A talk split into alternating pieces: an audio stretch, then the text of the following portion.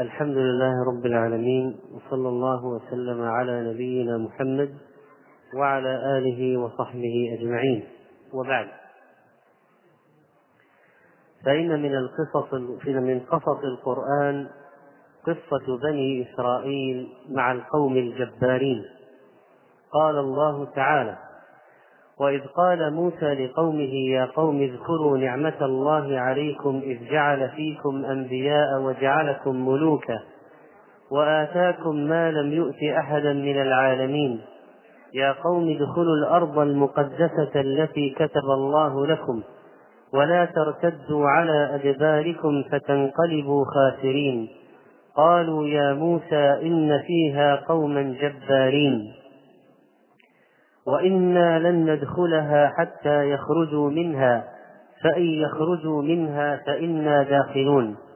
قال رجلان من الذين يخافون أنعم الله عليهم ادخلوا عليهم الباب. فإذا دخلتموه فإنكم غالبون. وعلى الله فتوكلوا إن كنتم مؤمنين. قالوا يا موسى إنا لن ندخلها أبدا ما داموا فيها. فاذهب أنت وربك فقاتلا إنا هاهنا قاعدون. قال رب إني لا أملك إلا نفسي وأخي فافرق بيننا وبين القوم الفاسقين. قال فإنها محرمة عليهم أربعين سنة. يتيهون في الأرض فلا تأس على القوم الفاسقين. كانت هذه القصة. بعد هلاك فرعون وقومه خرج بنو إسرائيل من مصر قاصدين مساكنهم في بيت المقدس. وكان الله قد فرض عليهم قتال أعدائهم. فوعظهم موسى عليه السلام وذكرهم ليقووا على الجهاد. وإذ قال موسى لقومه يا قوم اذكروا نعمة الله عليكم إذ جعل فيكم أنبياء. كلما هلك نبي قام فيهم نبي من إبراهيم إلى من بعده حتى ختموا بعيسى بن مريم عليه السلام. في هذه الآية تذكير بنعمة الله عليهم أن يذكروها بالقلب واللسان والجوارح. وجعلكم ملوكا أي أحرارا تملكون أمركم. ماذا كنتم يا بني إسرائيل في مصر؟ ماذا كنتم في عهد فرعون؟ ألم تكونوا عبيدا؟ ألم تكونوا مسخرين؟ ألم تكونوا أذلاء؟ كان القبط يتحكمون فيكم لم تكونوا تملكون أمركم الآن من الله عليكم؟ صرتم تملكون أمركم صرتم أحرارا أهلك عدوكم وأغرق فرعون وجنوده. ولذلك صرتم ملوكا صرتم أحرارا تملكون أموركم وتتمكنون من اقامه دينكم فأنتم ملوك. وقال بعض العلماء كابن عباس رضي الله عنه في قوله وجعلكم ملوكا أي له خادم وامرأة وبيت. وقال المرأة والخادم كان الرجل من بني إسرائيل إذا كان له الزوجة والخادم والدار سمي ملكا. وروى مسلم رحمه الله في صحيحه أن رجلا سأل عبد الله بن عمرو بن العاص فقال ألسنا من فقراء المهاجرين؟ فقال له عبد الله ألك امرأة تأوي إليها؟ قال نعم. قال ألك مسكن تسكن تسكنه؟ قال نعم. قال فأنت من الأغنياء؟ قال فإن لي خادما. قال فأنت من الملوك. وقد ورد في الحديث الصحيح عن النبي صلى الله عليه وسلم قال من أصبح منكم آمنا في سربه معافا في جسده عنده قوت يومه فكأنما حيزت له الدنيا. رواه الترمذي وحسنه الألباني. من أصبح منكم آمنا يعني غير خائف في سربه يعني في نفسه والسرب الجماعة والمقصود في أهله وعياله في مسلكه وطريقه. معافا أي صحيحا سالما من العلل والأمراض والأسقام. في جسده باطنا وظاهرا. عنده قوت يومه أي كفاية قوته من وجه الحلال. فكأنما حيزت له الدنيا أي جمعت له الدنيا حيزت له الدنيا. وقوله وآتاكم ما لم يؤت أحدا من العالمين. الآن موسى يذكرهم بالنعمة قبل أن يطلب منهم الاقتحام. يذكرهم بنعمة الله عليهم ليهيئهم للاستعداد للقتال. إن الله أنعم عليكم. وطلب منكم الجهاد الآن. عليكم الآن بالقتال والقيام للجهاد في سبيل الله. وآتاكم ما لم يؤت أحدا من العالمين يعني في زمانكم. أما هذه الأمة فهي أشرف من بني إسرائيل وأفضل من بني إسرائيل. إذا وفضلناهم على العالمين يعني في ذلك الزمان. في ذلك الوقت كانوا أشرف أمة.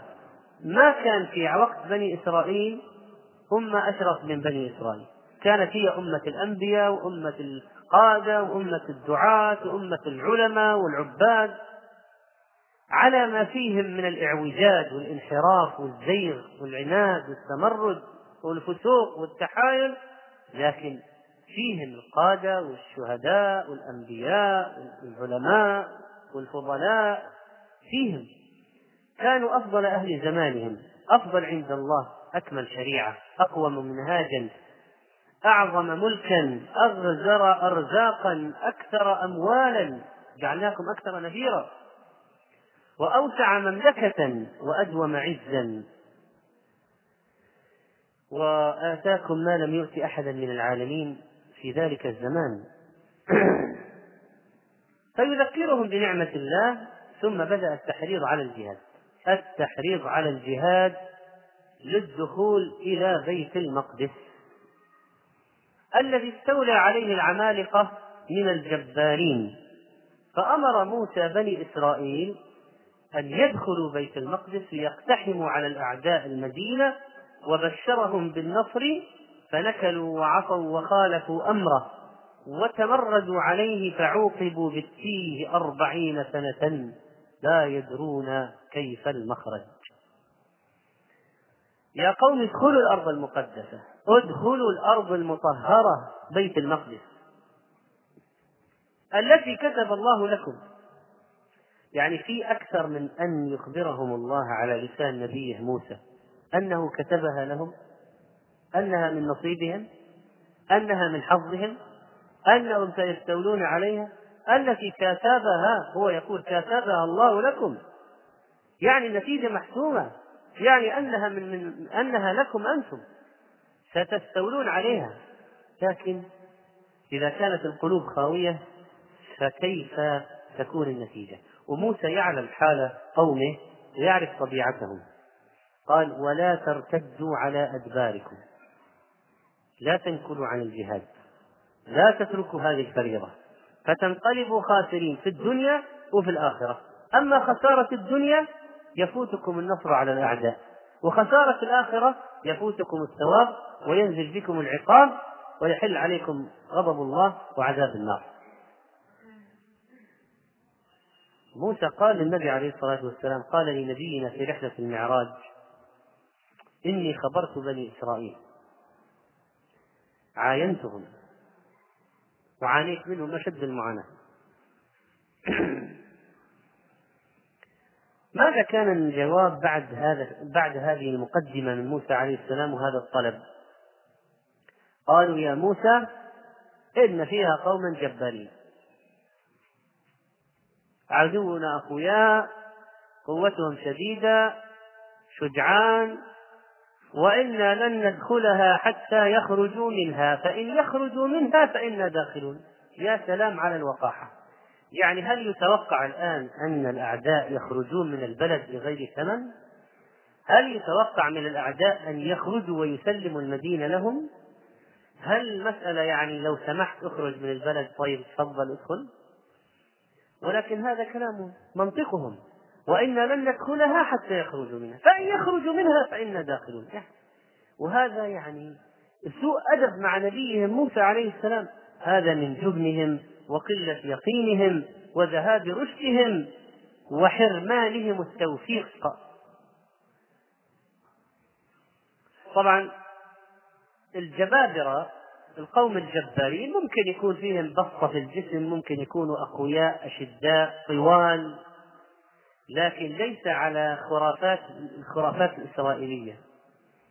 اللي قالوا يعني هذه أرض العمالقة وفيها كان ابن بنت نوح طوله ثلاثة آلاف ذراع وثلاثمائة وثلاثة وثلاثين وثلث ذراع. point three يقول ابن كثير وهذا شيء يستحيا من ذكره. ثم هو مخالف لما في الصحيحين أن رسول الله صلى الله عليه وسلم قال إن الله خلق آدم وطوله ستون ذراعا. إذا هذا أول البشر طوله ستون ذراعا. ثم لم يزل الخلق ينقص حتى الآن. بعد آدم الخلق في نقص يعني طولهم يتناقص. حتى وصل إلى أطوالنا نحن الآن. يعني من كثرة المعاصي وذهاب البركة لم يزل الخلق ينقص. كيف يصير في في في في هذه القرية آه، هذا الإنسان المخلوق ثلاث آلاف وثلاثمائة وثلاثة وثلاثين ذراع؟ قالوا أن آه، الطوفان لما جاء لم يصل إلى ركبته في وقت نوح. يقول ابن كثير وهذا, كذب وافتراء. فإن الله ذكر أن نوحا دعا على أهل الأرض من الكافرين. فقال رب لا تذر على الأرض من الكافرين ديارا وقال فأنجيناه ومن معه في الفلك المشحون ثم أغرقنا بعد الباقين. إذا ولد نوح الكافر ما بقي على قيد الحياة. كيف يبقى ذلك الآخر الكافر؟ قال ابن كثير هذا لا يسوغ في عقل ولا شرع. إذا نجد يعني أن بعض بعض الروايات اخترقتها الإسرائيليات مثل هذا ولكن النقاد والعلماء يبينون الصحيح من الضعيف والموضوع المكذوب والإسرائيلي يبينونه. لكن كان في الأرض المقدسة كان في قوم جبارين كان في ناس أقوياء يعني أشداء لا شك. الله عز وجل قال, قال هذا. فلما واجهوا نبيهم بهذا الكلام قام رجلان من الذين يخافون أو يخافون. إذا كان يخافون يعني اثنان أسلم من الجبارين. وإذا كان يخافون يعني من قوم موسى أنعم الله عليهم بثبات الجنان وحسن الإسلام يخافون الله. فوعظ بني إسرائيل وحضوهم على الجهاد. إذا وجد يعني مع موسى من أيد موسى عليه السلام لكن اثنان فقط. كل الخلاصة من الجيش هذا إثنان. ولذلك موسى قال ربي إني لا أملك إلا نفسي وأخي. أنا وأخي ها, ها أنا لي سلطة على أخي. قال رجلان من الذين يخافون يخافون الله ولا يخافون الأعداء أو يخافون لهم مهابة وموضع من الناس. أنعم الله عليهما بالنصر واليقين والتوفيق والثبات على الدين. ادخلوا عليهم الباب. أنتم اقتحموا. اقتحموا. باغتوهم فاجئوهم. امنعوهم من الخروج إلى الصحراء للقتال. اقتحموا عليهم المدينة. ادخلوا عليهم الباب.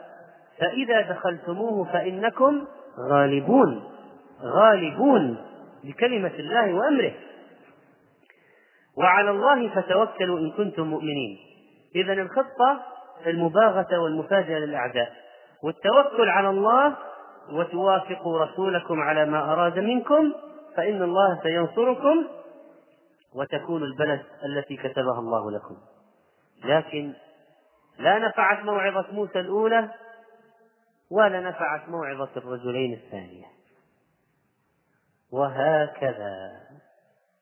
لم تنفع الموعظة قالوا يا موسى إنا لن ندخلها أبدا ما داموا فيها. وازدادت الوقاحة وقلة الأدب بل والكفر.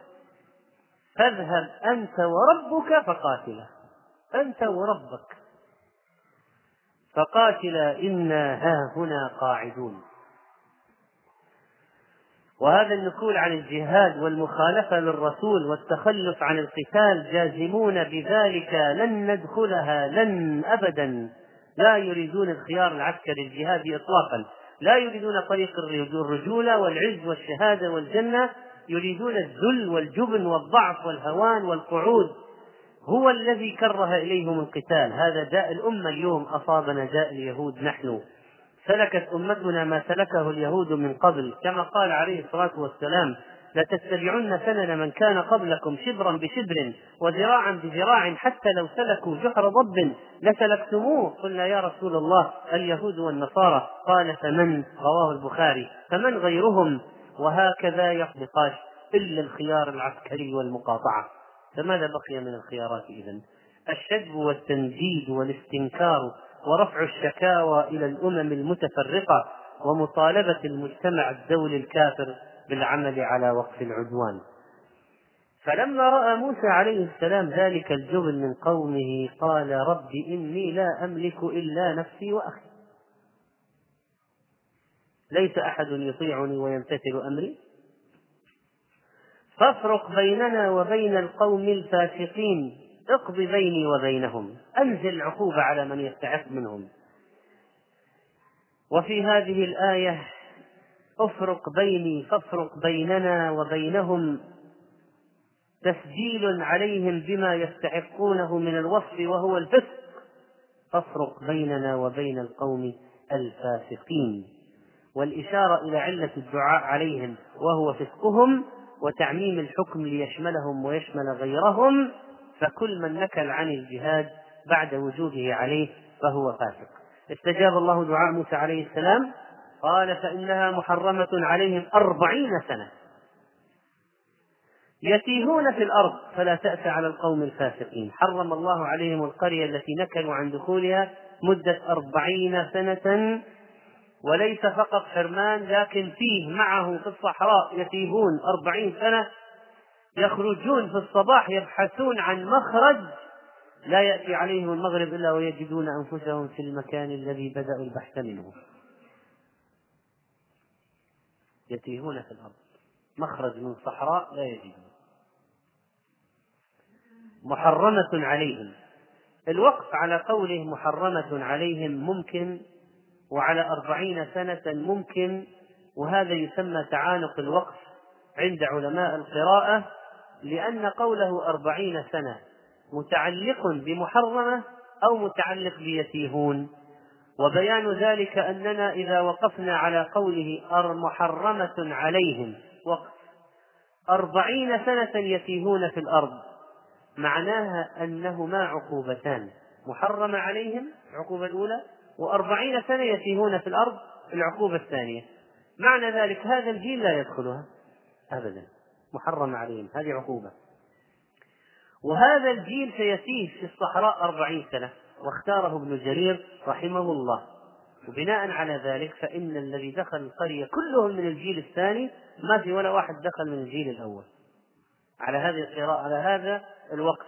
فإن محرمة عليهم. وقف. أربعين سنة يتيهون في الأرض. عقوبتان على هذا الجيل. لا يدخل القرية ويبقى في التيه والذين سيدخلون ليسوا من هؤلاء إطلاقا. وإذا وقفنا على قوله محرمة عليهم أربعين سنة وقف يتيهون في الأرض صار التحريم عليهم أربعين فيمكن أن يدخلوها بعد الأربعين. ولكنهم في هذه المدة سيبقون تائهين في الأرض. فهذا لا يلزم أن كل الجيل هذا لن يدخلها هو سيمنع منها أربعين سنة. ثم ممكن يدخلها. بل دخلها بعضهم على على هذا الكلام. و لما علم الله تعالى رزقة موسى وشفقته على قومه وأنه ربما حزن عليهم بسبب ما نالهم من العقوبة قال فإنها محرمة عليهم أربعين سنة يتيهون في الأرض. قال الله له مواسيا معزيا. فلا تأس على القوم الكافرين. لا تأسف عليهم لا تحزن عليهم لقد حكمت فيهم وهم مستحقون هذا لفسقهم. هذه القصة تضمنت تقريع اليهود وبيان قبائحهم ومخالفتهم لله ولرسوله ونكولهم عن الطاعة وتوليهم عن الجهاد وخذلانهم للنبي وضعفهم عن مصابرة الأعداء وترك المجالدة والمقاتلة والنبي بين أظهرهم يعدهم بالنصر بالنصر والظفر وهم مع ذلك معاصون شاهدوا ما فعل الله بفرعون رأوا الآيات ورأوا قدرة الله وكيف نجاهم الله من فرعون وكيف أهلك عدوهم كيف أغرق جنوده وهم ينظرون. لكن بالرغم من ذلك لم يستجيبوا. وهم في جهل في جهلهم يعمهون وفي غيهم يترددون ويقولون نحن أبناء الله وأحباؤه. فقبح الله وجوههم التي مسخ منها قردة وخنازير. وألزمهم اللعنة إلى أن تصحبهم إلى النار ذات الوقود.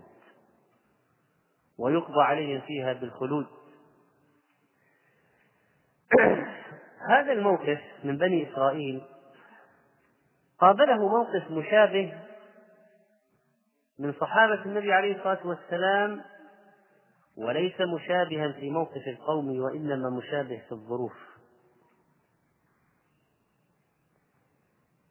فإن النبي صلى الله عليه وسلم لما استشار الصحابة في قتال أهل مكة الذين جاءوا لإنقاذ القافلة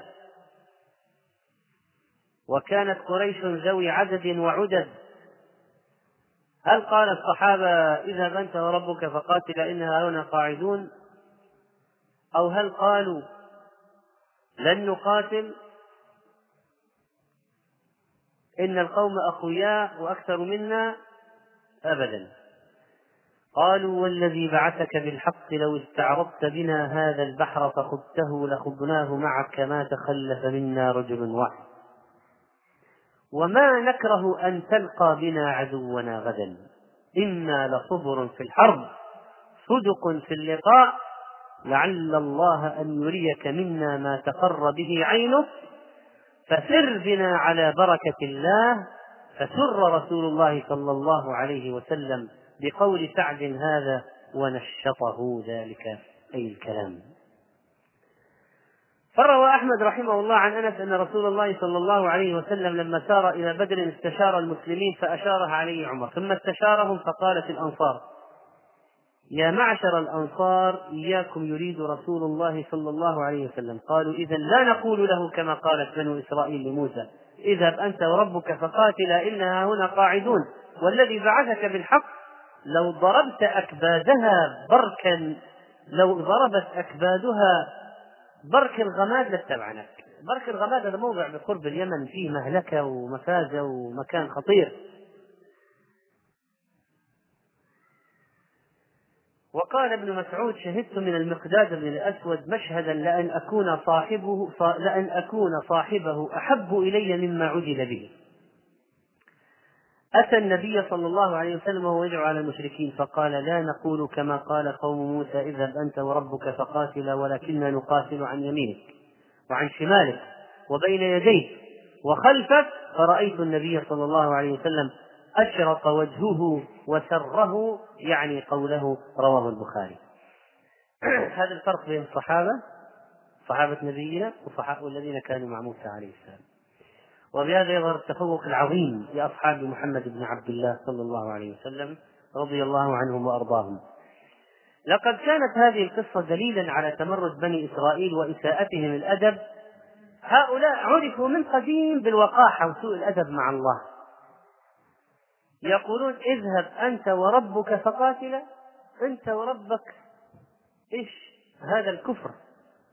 كيف ليس بمستغرب من الذين قالوا إن الله فقير ونحن أغنياء. ليس بمستغرب من الذين قالوا يد الله مغلولة غلت أيديهم. ليس بمستغرب من الذين قالوا إن الله خلق الخلق في ستة أيام وتعب فاستراح في اليوم السابع. ليست مستغربة من الذين قالوا عزير بن الله. هؤلاء الذين يقولون في تلمودهم وهو الشرح المفسر للتوراة بزعمهم إن الله ليس معصوما من الطيش والغضب والكذب تعالى الله عن قولهم. يقولون الحاخامات السيادة على الله وعليه إجراء ما يرغبون فيه. يقولون يقضي, يقضي الله ثلاث ساعات من النهار يلعب مع ملك الأسماك. يقولون في التلمود اليهودي أحب إلى الله من الملائكة والذي يصفع اليهودي كأنما يصفع العزة الإلهية. يقولون إن الله يستشير الحاخامات على الأرض حين توجد معضلة لا يستطيع حلها في السماء.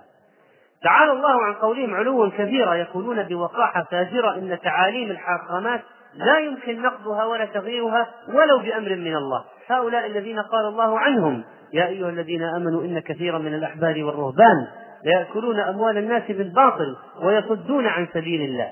هؤلاء الذين قالوا عن عيسى إنه ابن زنا وإن أمه حملت به خلال فترة الحيض وإنه مشعوذ مضلل أحمق غشاش بني إسرائيل وأنه صلب ومات ودفن في جهنم وأنه يعذب فيها في أتون ماء منتن يغلي من الحرارة. قال الله في فريتهم على المسيح ابن مريم وعلى أمه فبما نقضهم ميثاقهم وكفرهم بآيات الله وقتلهم الأنبياء بغير حق وقولهم قلوبنا غلف بل طبع الله عليها بكفرهم فلا يؤمنون إلا قليلا وبكفرهم وقولهم على مريم بهتانا عظيما وقولهم إنا قتلنا المسيح عيسى ابن مريم رسول الله. وما قتلوه وما صلبوه ولكن شبه لهم.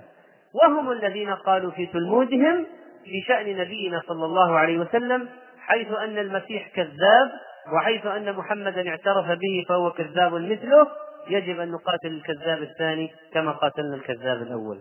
وها هو يقولون يقول هذا حاخامهم الأكبر إن الله ندم على خلق الفلسطينيين.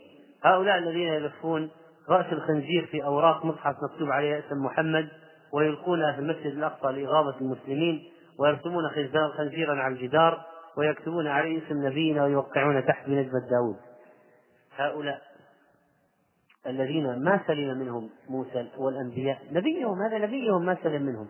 كيف نتوقع أن يسلم نبينا منهم؟ يا أيها الذين آمنوا لا تكونوا كالذين آذوا موسى فبرأه الله مما قال. وهكذا بينت هذه القصة صفة مهمة جدا لليهود وهي الجبن. لا يقاتلونكم جميعا إلا في قرى محصنة أو من وراء جدر ولتجدنهم أحرص الناس على حياة. هؤلاء من الهلع يتخلوا عن الجهاد ويؤثرون القعود ويرفضون القتال.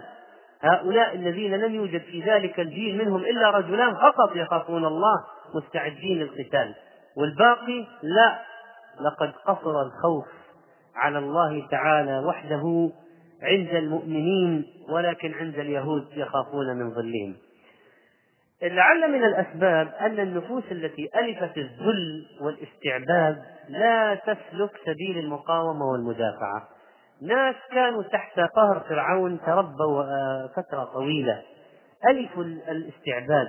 ولذلك لم يكونوا مستعدين للقتال وجبنوا عند المواجهة. فكان لابد من زوال هذا الجيل الذي قد تعفن وأثم ولم يعد هناك فائدة من استصلاحه وتاهوا في الصحراء ومات موسى وبنو إسرائيل في التيه وهكذا كان من الحكمة أن يتيه ذلك الجيل في الصحراء حتى يفنى ويموت ليخرج جيل آخر تربى في الصحراء على شدتها وبأسها وظروفها الصعبة. ليخرج جيلا يمكنه المواجهة. ليس فيه ذل الآباء بل يتربى في هذه البيئة الشديدة ويقدر على تنفيذ المهمة. وفعلا بعد موسى عليه السلام استلم القيادة يوشع غلامه وخادمه وأوحى الله إليه فصار نبيا. وقاد الجيل الثاني من بني إسرائيل قادهم إلى النصر. ونأخذ من القصة مبدأ مهم في الحرب وهو الحرب الهجومية. ادخلوا عليهم الباب اقتحام. فإذا دخلتموه فإنكم غالبون. وهذا ما كان يفعله النبي صلى الله عليه وسلم في أغلب غزواته. هو الذي كان يهاجم الأعداء. يهود بني قينقاع اقتحم عليهم. يهود بني النضير اقتحم عليهم. يهود بني قريظة اقتحم عليهم. يهود خيبر اقتحم عليهم. فتح مكة اقتحم مكة. غزوة هوازن على هوازن. وتبوك ذهب إلى الروم. ومؤتة ذهب إلى الروم. وجيش أسامة يخرج خارج جزيرة العرب إلى الروم. حرب هجومية. أكثر الغزوات كانت كذلك. وبذلك نقول اليوم لو أن المسلمين اقتحموا فلسطين بما تهيأ لهم من الأسباب ادخلوا عليهم الباب. هل يستطيع اليهود أن يصمدوا؟ إطلاقا. لا يمكن. الآن في بطولات فردية بطولات فردية ثلاثة أشخاص يدوخوا كتيبة جيش إسرائيل بأكملها ويقتل فيهم مقتلة عظيمة. كما حدث قبل يومين. عندما أطلقوا النار على المستوطنين ثم انسحبوا في حركة تمثيلية ليتبعهم هؤلاء من الجيش الإسرائيلي ليدخلوا بهم في زقاق مدبر محكم من قبل ليطلقوا عليهم النار من جميع الاتجاهات فيسقط الجنود صرعا. ولا أحلى من منظر اليهود وهم يقعون في الكمين. ما خلاص لا يلون على شيء. لا في ترتيب ولا تخطيط ولا مدارس ولا معاهد عسكرية ولا ولا شيء ينفع. خلاص. هم جبناء أجبن ما يكون. ثم يبقى هؤلاء في مكانهم ولا ينسحب هؤلاء المسلمون حتى يأتي المدد والإسعاف. وعندما يبدأون في عملية إخلاء يطلقون عليهم النار. هجوم مرة أخرى. وتقع المذبحة. اليهود. وإذا قالوا لك قتل اثني عشر فاضرب بكذا وكذا. فإنهم دائما يخفون خسائرهم. هذا هي ثلاثة ثلاثة. كيف لو قلنا نحن اليوم للمسلمين ادخلوا عليهم الباب. ما يم...